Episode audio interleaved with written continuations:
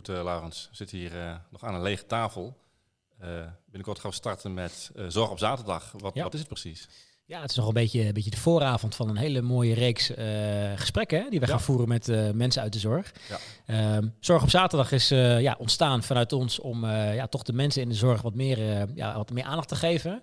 Want eh, in de afgelopen jaar, of in het afgelopen jaar, heb ik eh, veel mensen gesproken in de zorg. En eh, ja, wat mijn ervaring toch tot nu toe is dat mensen heel veel te vertellen hebben.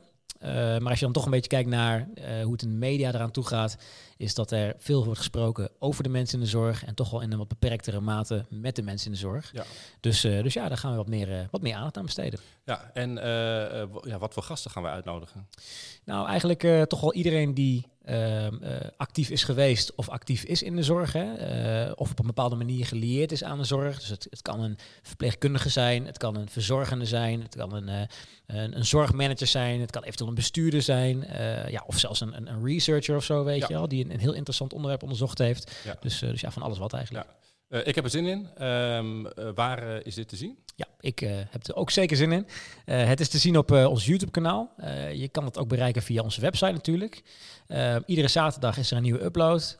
Dus ja, wat dat betreft voor komende zaterdag en de komende zaterdagen daarop, zorg dat je kijkt.